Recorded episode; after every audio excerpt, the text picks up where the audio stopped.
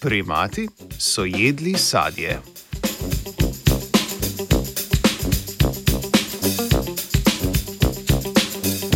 Med 34 in 29 milijoni let nazaj so v oazi Fajum v Egiptu živeli različni rodovi prednikov primatov.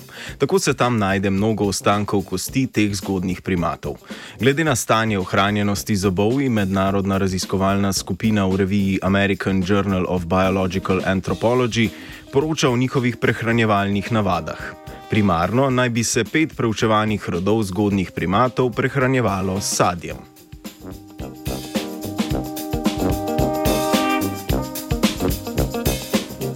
V raziskavi so se znanstvenica in znanstvenika posvetili podrobnemu preučevanju ostankov zobov petih različnih rodov zgodnih primatov.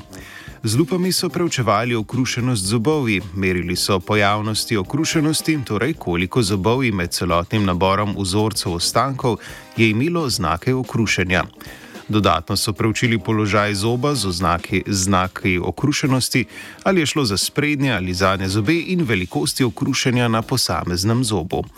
Pomembno je bilo tudi, da so razlikovali med poškodbami, ki so nastale še v življenju osebkov, in tistimi, ki so nastale kasneje na fosilnih ostankih. Dodatno so z metodo mikroračunalniške tomografije preučili tudi prisotnost karjesa ali zobne gnilobe.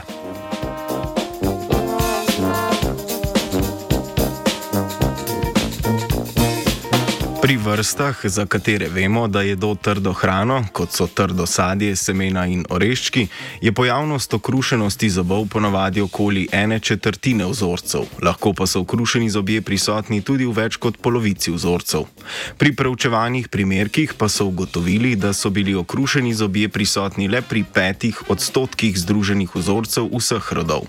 Določeni rodovi so sicer imeli bolj okrušena zobovja kot drugi, tako je bila med preučevanimi rodovi rodovi prisotnost okrušenih zob v vzorcu posameznega rodu od 2,4 do 9,1 odstotka. Dodatno so pri enem rodu zaznali tudi prisotnost zobne gnilobe, kar naj bi kazalo na dieto bogato s sladkorjem.